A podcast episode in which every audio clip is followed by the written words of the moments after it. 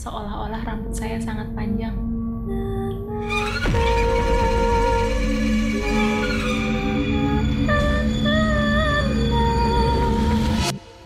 Assalamualaikum warahmatullahi wabarakatuh. Selamat malam teman-teman. Apa kabar? Semoga selalu diberi kesehatan. Kembali lagi di ARC Horror Story. Pada kesempatan kali ini, aku kedatangan narasumber nih yang akan menceritakan pengalaman horornya. Bagaimana ceritanya? Langsung saja kita dengar ceritanya. Assalamualaikum warahmatullahi wabarakatuh. Perkenalkan nama saya Pungki. Di sini saya akan berbagi cerita horor saya pada tahun 2016, tepatnya di kota Yogyakarta. Cerita ini bermula ketika saya dan satu tim saya sedang melakukan penyisiran sosialisasi di salah satu desa di kota Yogyakarta. Satu tim terdiri dari 9 orang dan saya salah satunya. Singkat cerita, satu persatu rumah sudah kita datangi tinggal satu rumah di penghujung desa. Rumah itu nampak kosong dan tidak berpenghuni. Ketika teman-teman saya lewat, semua teman-teman saya mendengar ada seorang wanita yang tertawa. Kurang lebih, tertawanya seperti ini. Hihihi. Anehnya, di antara sembilan orang itu, hanya saya yang tidak mendengar seorang pun tertawa sama sekali. Sedikit pun saya tidak mendengarnya. Lalu teman-teman saya bilang, eh itu denger nggak ada suara yang ketawa barusan? Tanya teman saya. Saya terus terang, ah siang-siang bolong, masa ada yang ketawa? Hmm, paling yang nunggu tuh. Jawabanku seketika yang seolah-olah memang bahasanya seperti sedikit menyepelekan dan mengejek mereka yang tak terlihat. Teman-temanku bilang, Bus, kamu ngomong hati-hati.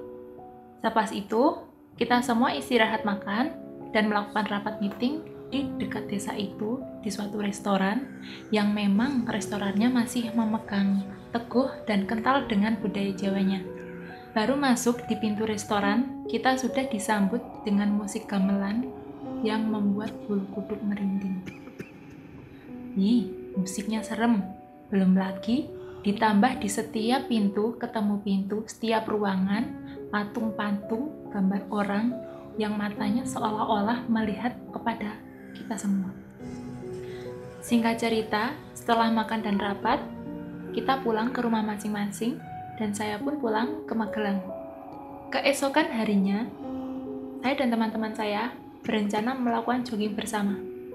Namun, di tengah perjalanan, saya kecelakaan saya kurang tahu detail kecelakaannya seperti apa dan bagaimana. Yang saya tahu, saya sadar-sadar sudah berada di kamar sendiri dengan keadaan linglung, antara mimpi atau nyata.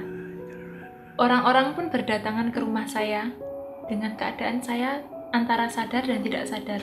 Saya pun tidak hafal persis siapa yang datang dan apa yang mereka bicarakan.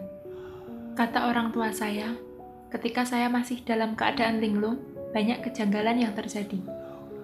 Yang pertama, ada seorang yang sedang perjalanan mancing lewat depan rumah saya, tiba-tiba kesurupan. Kesurupannya tidak hanya sekali, tapi tiga kali. Dari ujung jalan sampai ujung perempatan, dia hanya tertoleh pada satu tempat, yaitu rumah saya. Kejanggalan yang kedua menimpa pada diri saya sendiri.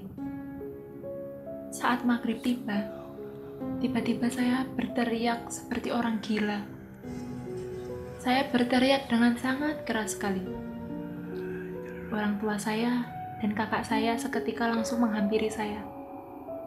Ono opo kuendo, ono opo, istighfar. Tapi saya masih teriak-teriak, seolah ada sesuatu yang sangat menyakitkan dalam diri saya.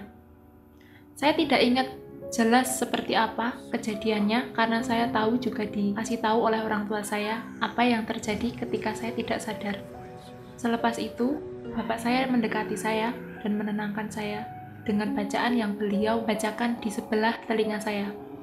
Kata kakak saya, seketika saya menjadi pribadi orang lain yang bukan diri saya sendiri. Saya menjadi sangat manja dan suara saya menjadi sangat halus sambil memainkan rambut seolah-olah rambut saya sangat panjang. Sambil tersipu malu, menunduk, dan manja-manja ke bapak saya.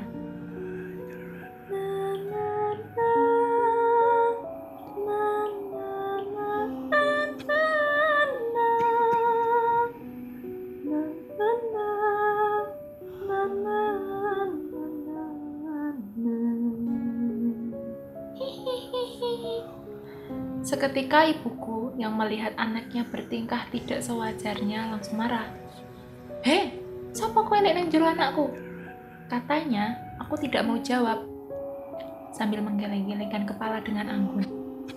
Ketika bapak saya bertanya, jenengan sinten?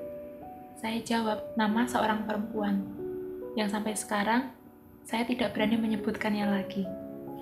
Ditanya, kenapa kamu ada di sini? Katanya, dia mengikutiku dari Jogja waktu itu sampai ke sini karena perkataanku kurang sopan. Setelah itu, saya diajak bapak saya mengambil air wudhu dan melakukan sholat maghrib dan membaca potongan ayat suci Al-Quran. Saya belum menyadari kalau saya melakukan hal itu. Perlahan, perlahan, suara saya mulai hilang dan saya tidak sadarkan diri lagi keesokan harinya, saya sudah sadar dan pulih kembali. Keanehan yang ketiga, ketika malam hari tiba, ada seseorang yang seperti berjalan mondar-mandir di depan rumah saya. Di tengah malam, ada yang mengetuk jendela saya. Ketika saya buka, ternyata tidak ada orang sama sekali. Lantas, siapakah itu? Singkat cerita, di lain hari, di lain malam juga terjadi Tengah malam, tiba-tiba bel berbunyi. Ketika dibuka pintunya, tidak ada orang di luar. Lalu, saya menceritakan keanehan kepada bapak saya tentang apa yang saya alami. Bapak saya berkata, mungkin itu yang kemarin mengikuti dari Jogja. Kesimpulan atas kejadian yang saya alami terjadi selama tujuh hari, dan saya linglung selama satu hari. Dan saya bisa kembali normal di keesokan harinya. Pelajaran yang bisa kita ambil dari peristiwa yang saya alami tersebut, yang pertama, selalu menjaga etika di mana pun kita berada dan dengan siapa pun kita berhadapan. Yang kedua, jangan lupa untuk selalu berdoa ketika akan melakukan suatu kegiatan. Sesederhana apa pun itu kegiatannya, jangan lupa untuk selalu berdoa dan memohon kepada Yang Kuasa. Bercanda boleh, tapi sewajarnya. Ingat, mereka memang ada, tetapi tak kasat mata. Sekian pengalaman cerita horor dari saya. Terima kasih sudah menyimak. Wassalamualaikum warahmatullahi wabarakatuh. Jadi itulah teman-teman pengalaman horor yang dialami oleh Kak Pungki. Semoga teman-teman bisa mengambil hikmah dan pelajaran dari pengalaman yang sudah Kak Pungki alami. Terima kasih buat teman-teman yang sudah mampir ke podcast ARC Horror Story. Jika kalian suka dengan ceritanya, silahkan share sebagai bentuk dukungan kalian. Jangan lupa untuk terus pantengin podcast ARC Horror Story agar kalian tidak ketinggalan cerita-cerita horor selanjutnya. Sampai jumpa di episode selanjutnya. Assalamualaikum warahmatullahi wabarakatuh.